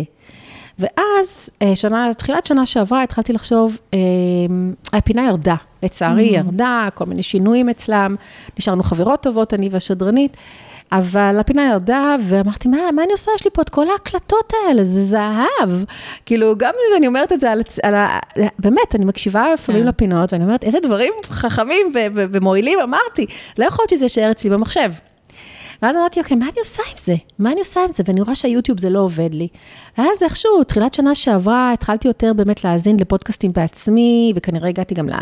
ראיתי אותך, אני לא זוכרת ב- אם זה היה בפייסבוק, ואמרתי, מה אני עושה עם הדבר הזה? עכשיו, פודקאסטים, כל מה שאני שמעתי היה או רעיונות כאלה, או מישהו מדבר ומקריא משהו כזה, מסביר משהו נורא לעומק, וזה לא היה בסגנון שלי, בסגנון של, ה... של הפינות האלה. אמרתי, את יודעת מה? את פותחת פודקאסט ואת משתמשת בחומרים האלה, גם אם זה משהו אחר ממה שאחרים עושים. למה לא? נכון? וככה בעצם אה, התגלגלתי במחשבה הזאת כמה זמן, כמה חודשים טובים. אמרתי, איך אני עושה את זה, איך אני עושה את זה, ואז אמרתי, טוב, כמו כל דבר אחר, שככה אני, אני מכירה את עצמי, אם אני לא מצליחה ללמוד לבד, וזה קורה, למרות שאני קוראת באנגלית ויוטיוב וזה, את פשוט לוקחת שיעור פרטי עם מי ש... יודע לעשות את זה הכי טוב ומלמד אחרים, ואת משלמת להם, ואני מאוד מאמינה בלשלם לאנשי מקצוע טובים, ואת פשוט לומדת לעשות את זה כמו שצריך. וזה מה שעשיתי, פניתי אלייך, וגם לנו לקח כמה זמן, כי רצינו לעשות את זה גם עם מישהי אחרת, כאילו נכון. לעשות סדנה משותפת, ובסוף זה לא יצא, היא התעכבה עם זה. אמרתי לך, יאללה, דנית, אני עושה את זה איתך, ואז אני פשוט אה, אה, אעשה את זה. לקחתי את זה כפרויקט, ידעתי שאני עד, אני חושבת שזה ה-30 לאוקטובר 2019, שזה עכשיו, תחשבי. נכון, אנחנו- זה כן, שנה עכשיו. שנה. אני מעלה את הפודקאסט. אז נפגשנו, עשינו את הפגישת אונליין הזאת, את ההדרכה, כמו ילדה טובה. אחר כך אני תמללתי כמעט את הכל, שתביני. וואו. כן, כדי שאני אדע באיזה דקה הסברת לי את הדבר ה... לא יודעת מה, אה, איזה תוכנה, איזה משהו. אה, ו... ופשוט אמרתי, את פשוט עושה את מה שהיא אמרה לך לעשות, את עושה את זה. פשוט עושה את זה, כפו... לקחתי כפרויקט עם דדליין. ו... וזה מה שעשיתי, כמובן שילמתי גם לגרפיקאית, שתעשה לי, הגרפיקאית שלי, שתעשה לי את, ה... את הלוגו, כמו שאמרת לי, כמו ילדה טובה, חנונית. עשיתי כמו שאמרת לי. ואז אה, עשיתי כמה פרקים כאלה, ומפה לשם, אה, מה קרה מאז? כמובן שהיו כל מיני דברים כאילו קטנים על הדרך, ואז אמרתי, טוב, אני עכשיו מוכנה לעבור לשלב הבא, שזה לראיין אנשים. ונורא רציתי לראיין אנשים שעברו את התהליך איתי. אבל אנשים בדרך כלל נורא מצטנעים, ואומרים, אה, אני לא רוצה שכולם ידעו שאני עברתי תהליך של אה, התייעלות כלכלית וניהול כלכלי מיועץ, כי, כי יש תדמית כזה שמי כן. שלוקח, שזה אגב כל כך לא נכון. ואז הייתה איזה מישהי שגם פגשתי באותה קבוצת נטוורקינג אה, שאני מדברת עליה, מקסימה, שבאחד המפגשים האלה אמרתי לה, תקשיבי, יש לי פודקאסט ואני רוצה להתחיל לראיין. אה, את ת- תרצי לשתף על מה שעברת? אמרת לי, ברור. אמרתי, טוב, ברגע שאני יכולה, אני אברר איך אני עושה את זה, איפה אני מקליטה. ואז התחילה כמובן הקורונה, ובין לבין הסגרים, אה, כשראיתי שאנחנו יוצאים מסגר, מצאתי כבר אה, מקום, אה, סטודיו, כי לא היה לי את כל הציוד בבית, ואמרתי לה, בואי, את הראשונה. ופשוט נפגשנו, הקלטנו, היא הסבירה על התהליך שלה, כמובן שהיא הסבירה גם על, ה, על מה שהיא עושה, היא גם עצמאית, אז זה גם היה פלטפורמה בשבילה, ואז כבר גלגלתי את הרעיון השני והשלישי, ועכשיו אני לקראת הרביעי, שהסגר הזה גם די סגר את הזה, אבל יש לי כבר את הרעיון בראש. אז אומרת, הפודקאסט בעצמו כל הזמן משנה גם את הפורמט שלו. כן. אני יכול להיות שאני אעשה גם, יש לי עוד מלא חומרים מוקלטים שעדיין, מה, מהפינה ההיא, שעדיין לא העליתי, מהמם. אני צריכה להעלות אותם, אה, פשוט הייתי גם עסוקה. עם מיליון דברים אישיים בחודשים האחרונים, אז, אה, אז קצת הדברים נדחו, וכמובן הסגר דחה, אבל כל הרעיון הוא כל הזמן להשתנות, ופשוט ללכת, פשוט ללכת עם זה.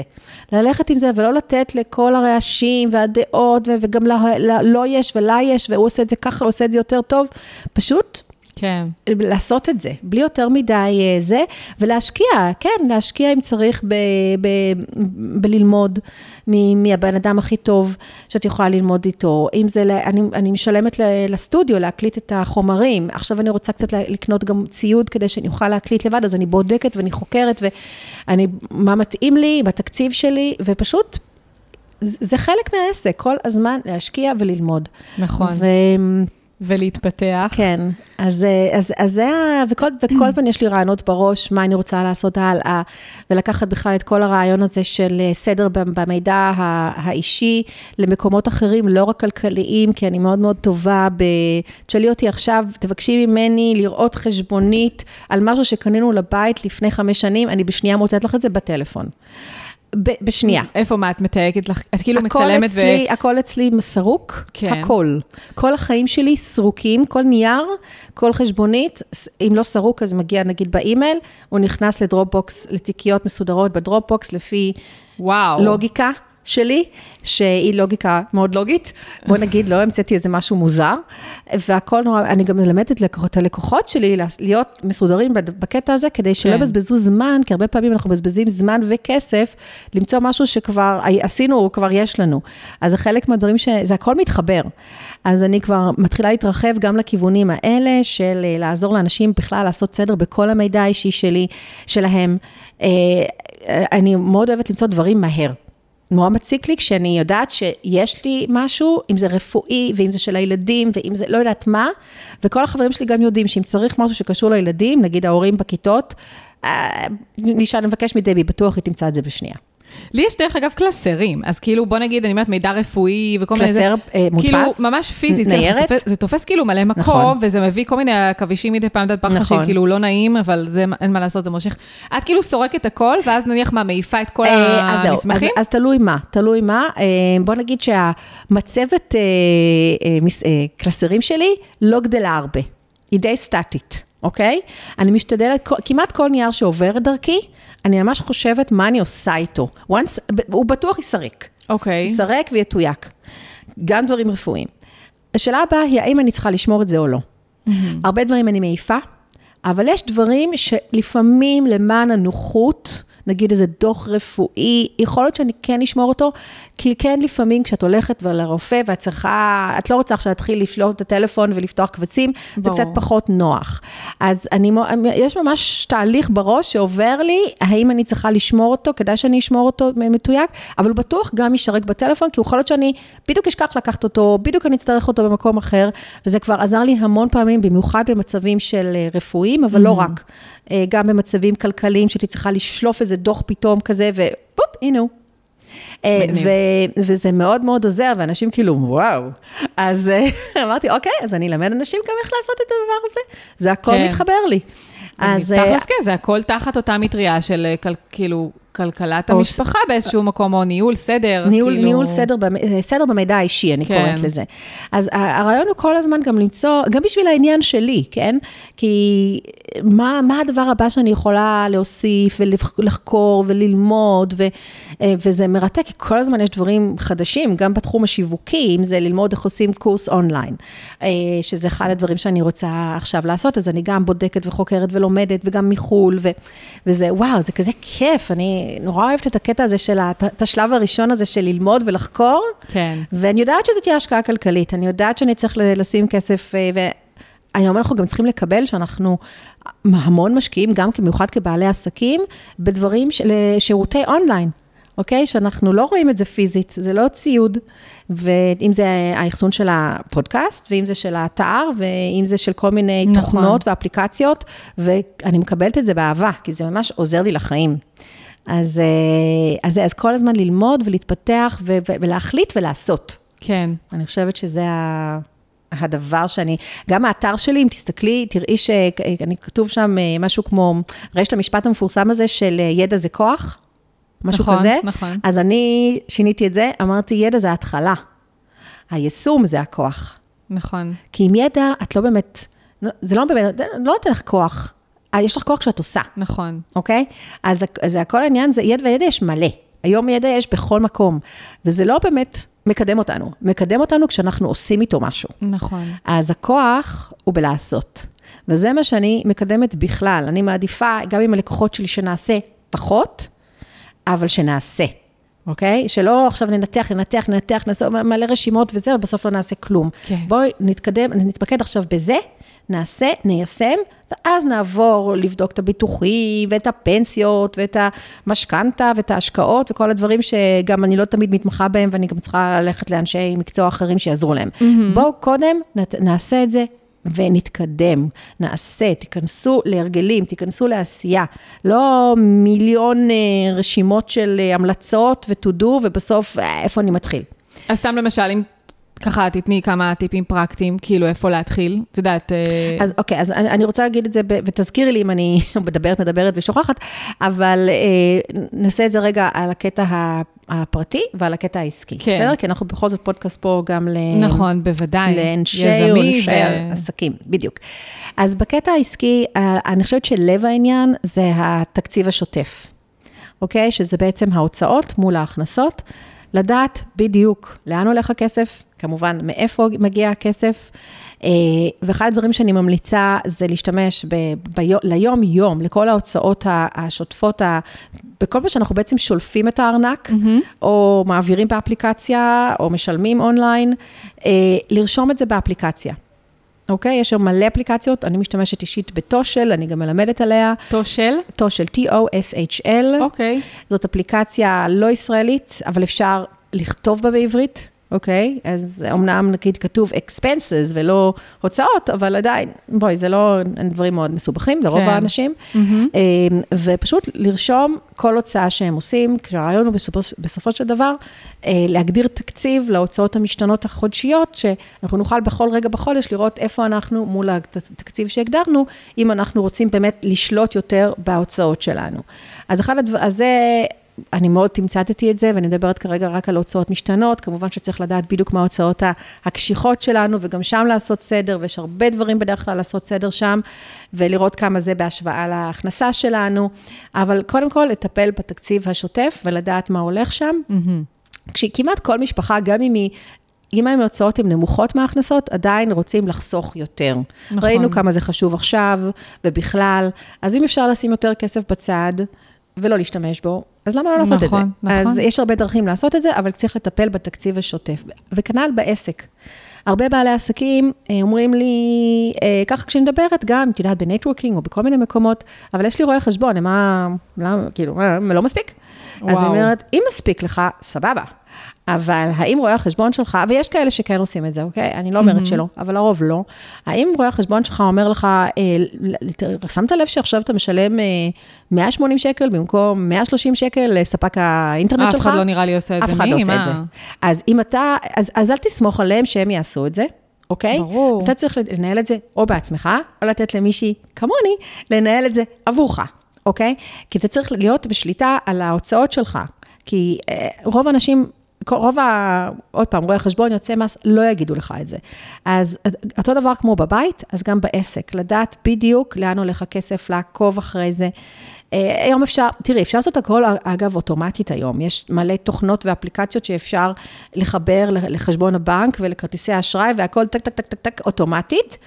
אפשר, אני לא אומרת שזה פסול, אני חושבת שזה העתיד, אבל כשנמצאים בשלב של ניתוח ו- וייעול, עדיף לעשות את הדברים לא אוטומטית. Mm-hmm. אפשר לעשות את הדברים בדרך אחרת, לא, עדיין דרך יחסית מתוחכמת, אבל יותר ידנית, ומתישהו אפשר להגיע להשתמש בכל הדברים האוטומטיים האלה.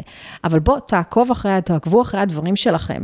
תדעו בדיוק על מה אתם מוצאים, אם זה באמת השתמשתם בכרטיס העסקי ויש שם דברים שהם לא עסקיים, בואו תנטרלו אותם, תדעו לעשות צפי, לעשות תזרים, לראות מה עומד להיכנס, מה עומד לרדת, האם אתם בסדר, האם צריך להביא כסף מאיפשהו, האם צריך עכשיו לשבת על גבייה. יכול להיות שצריך עכשיו לשבת על גבייה, על, על לקוחות שטרם שילמו. כלומר, אז בואו, זה אף אחד לא יגיד לכם נכון. לעשות את זה, אתם צריכים או לבד, או כאילו ללמוד לעשות את זה, או להשתמש בשירותים חיצוניים של מישהו שיעשה לכם את זה. אז אל תצפו מרואה רואה החשבון שיעשה לכם את זה. אם הוא עושה, סבבה, הרווחתם, נהדר. אבל לרוב זה לא קורה. אז, אה, אז, אז זה לב, לב העניין, קודם כל. וכמובן יש הרבה מאוד דברים אחרים, אה, ואני מלמדת את כן. הלקוחות שלי לעשות את זה. אז זה היה ככה הטיפ אה, בגדול, להתמקד קודם בתקציב השוטף, אם זה בעסק ואם זה בבית. כן, ולא לעצום עיניים, אני חושבת שזה משהו מאוד חשוב להגיד. כמו שאת אומרת, שאנשים לפעמים כאילו... כאילו מתעלמים, מדחיקים. אז כאילו לא לעצום עיניים, ובאמת באמת לשבת ולהתמודד עם כל דבר שמגיע. בדיוק, אני, אני, לא מדברת מאיזה פסגת אולימפוס, אבל אנחנו עברנו שנים מאוד קשות. שלושה ילדים, אה, כלומר ששניים שלנו ועוד בן, בן של בעלי, היו כולם קטנים במקביל, כן, תחשבי, וואו. מזונות, אה, גנים פרטיים, משפחתון, הכל, עברנו שנים מאוד קשות. אני באמת רחוקה מלהתבייש, ההפך, אני גאה בזה. וגם אה, גם לנו היו, וגם התחלתי עסק, כאילו, משוגעת, גם פתחה עסק, כן?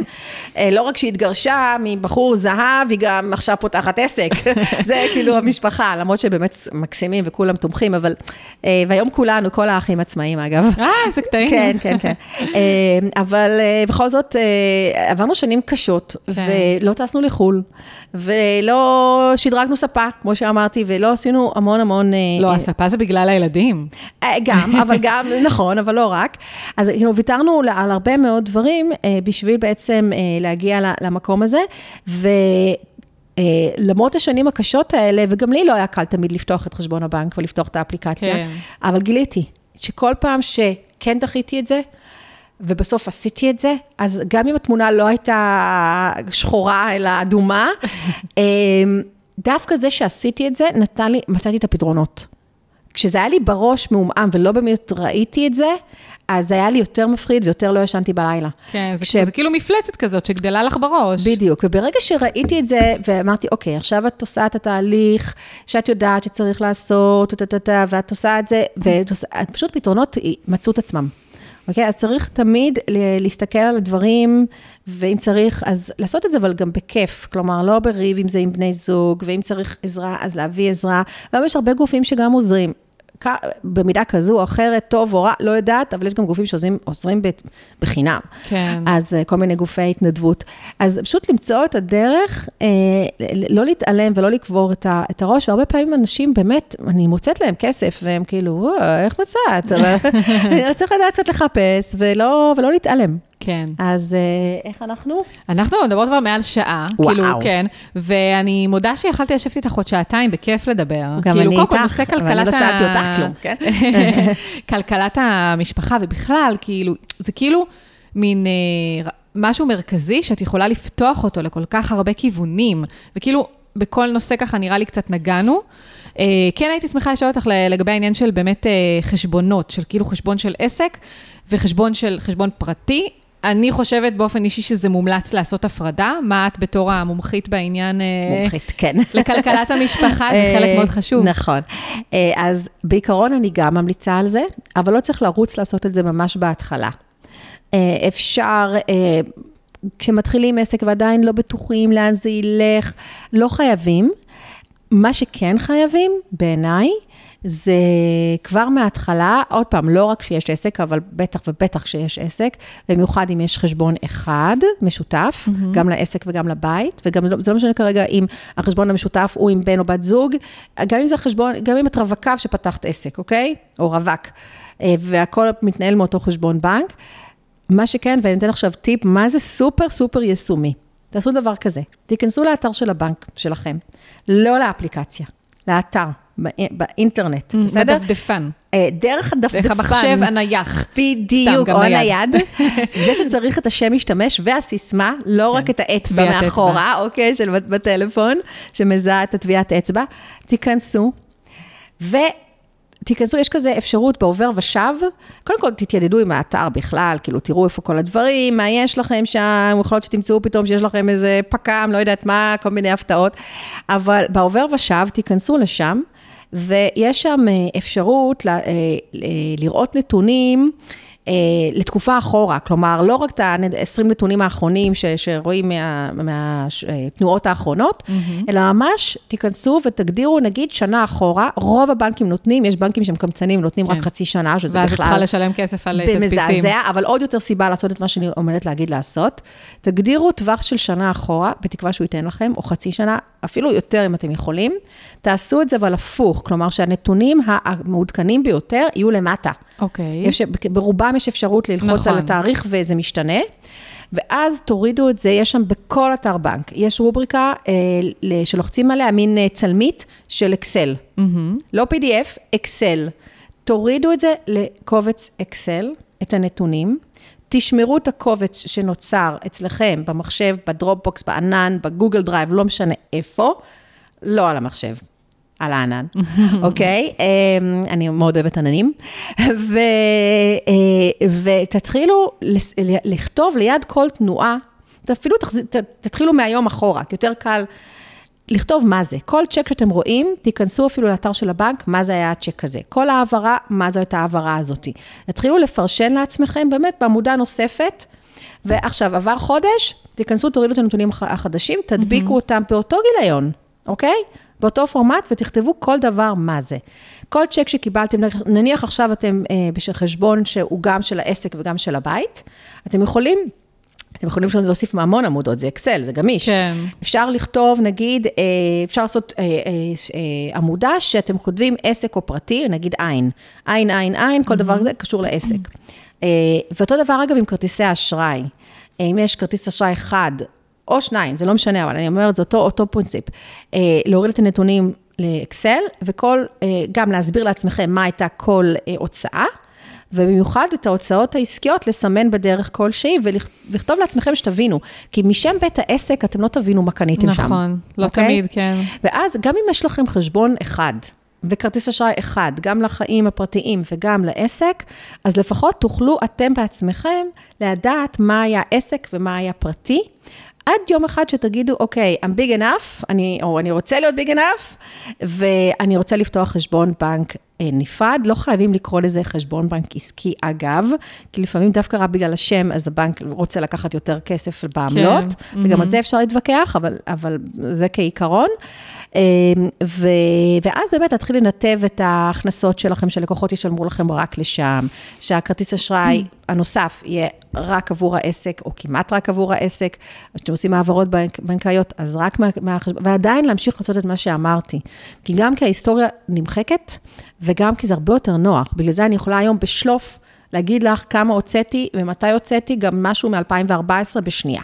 כל כמה זמן את עושה את ההערכה? כאילו, את פעם בחודש? אני פה פעם בחודש מורידה נתונים, mm-hmm. זה מה שאני ממליצה ללקוחות שלי, וביום-יום הם פשוט, אנחנו עוקבים אחרי ההוצאות כן. באפליקציה. על פעם בחודש, מה שנקרא, לעשות סוף חודש. אני קוראת לזה לעשות סוף חודש. יש לי לקוחות, אגב, שעושים את זה כל שבוע.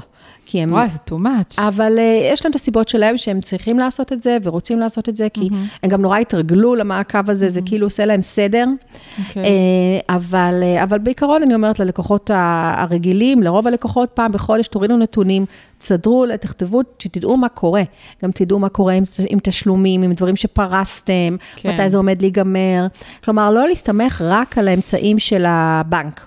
על האפליקציה או, או האתר, ועל האפליקציות ש, והאתרים של כרטיסי האשראי. כן. ת, תשתמשו ב, באקסל או בגוגל שיט, אבל אני אוהבת אקסל, מה לעשות? גם אני, האמת. אני הכל אה. עושה באקסל, גם כן. פעם בחודש ו... בדיוק. רק אז, באקסל. אז, אז לעבור על הכל, לסמן, וגם זה מזכיר לכם הרבה פעמים דברים שאתם צריכים, חשבוניות שהגיעו באימייל, או נמצאות באיזשהו אתר, לא יודעת, מהפנגו וכביש 6 וכאלה, שאנחנו כן. תמיד שוכחים, אין לנו חשבונית בפועל. נכון. מזכיר כאילו להוריד, אה, להוריד אותה ולהעביר אותה לרואה חשבון. נכון. אז זה גם תזכורות לכל הדברים האלה, אמ, ובמיוחד בקניות אונליין, אגב, שיש הרבה דברים. עכשיו התעדכן לי התשלום על, על הפודבין, פתאום אני רואה את זה בכרטיס אשראי, אפילו לא קיבלתי התראה. מה זה התעדכן לך התשלום? מה זאת אומרת? זה כל שנה, אני, 아, אני משלמת שנתי. אה, באמת, אוקיי. אז uh, פתאום אני רואה את זה בכרטיס אשראי, אמרתי, אופ, נכון, אוקטובר. אז... ואז נכנסתי והורדתי כבר את החשבונית, כי כן. ראיתי את זה בוויזה. אז, אה, אז הנוהל הזה של להוריד נתונים ולסמן לעצמך מאוד מאוד עוזר לעשות, לעשות סדר ולשלוט בדברים בצורה הרבה יותר מהירה, ברורה, יעילה וכולי וכולי. נכון, מהמם, mm. יפה. Okay. אז אוקיי. אה, וואו, דבי, היה לי ממש ממש כיף. תראי, אנחנו כבר שעה ורבע מדברות, ואני רוצה להגיד לך, דבי, תודה רבה שהיית והתארחת ונתת המון המון מידע, וגם שיתפת מהתהליך שלך וכל הדרך שאת עשית. היה לי ממש כיף. גם לי, וזה כיף להיות בצד הזה של המיקרופון. זה מוזר לי לדבר על עצמי, אבל, אה, אבל, זה, אבל זה גם נורא משחרר ונורא כיפי, כי אני בדרך הזאת שמראיינת בפודקאסט שלי כאמור, או מדברת פשוט על, על. את יודעת, על הנושא שלשמו מבקשים ממני לבוא להתראיין, שזה כלכלת כן. המשפחה ולא עליי. כן. אז זה היה מאוד uh, מרענן בשבילי, ואני מאוד אוהבת את הפודקאסטים שלך, ואני מאזינה, ואני מאזינה, כי אני תוך כדי הליכות, אגב, אני, זה זמן נהדר ו- נכון. ונהיגה. מאוד מאוד ממליצה להתחיל לעשות את זה, במיוחד בתקופה כזאת שנורא נעים בחוץ. לגמרי, לגמרי. אז תודה רבה, ואני אשים כמובן קישורים לאתר שלך ולפייסבוק והכל באתר, באתר הפודקאסט, כמובן. זהו, ושיהיה לך המשך יום נפלא, ונתראה בפרק הבא. גם לך. ביי ביי. ביי.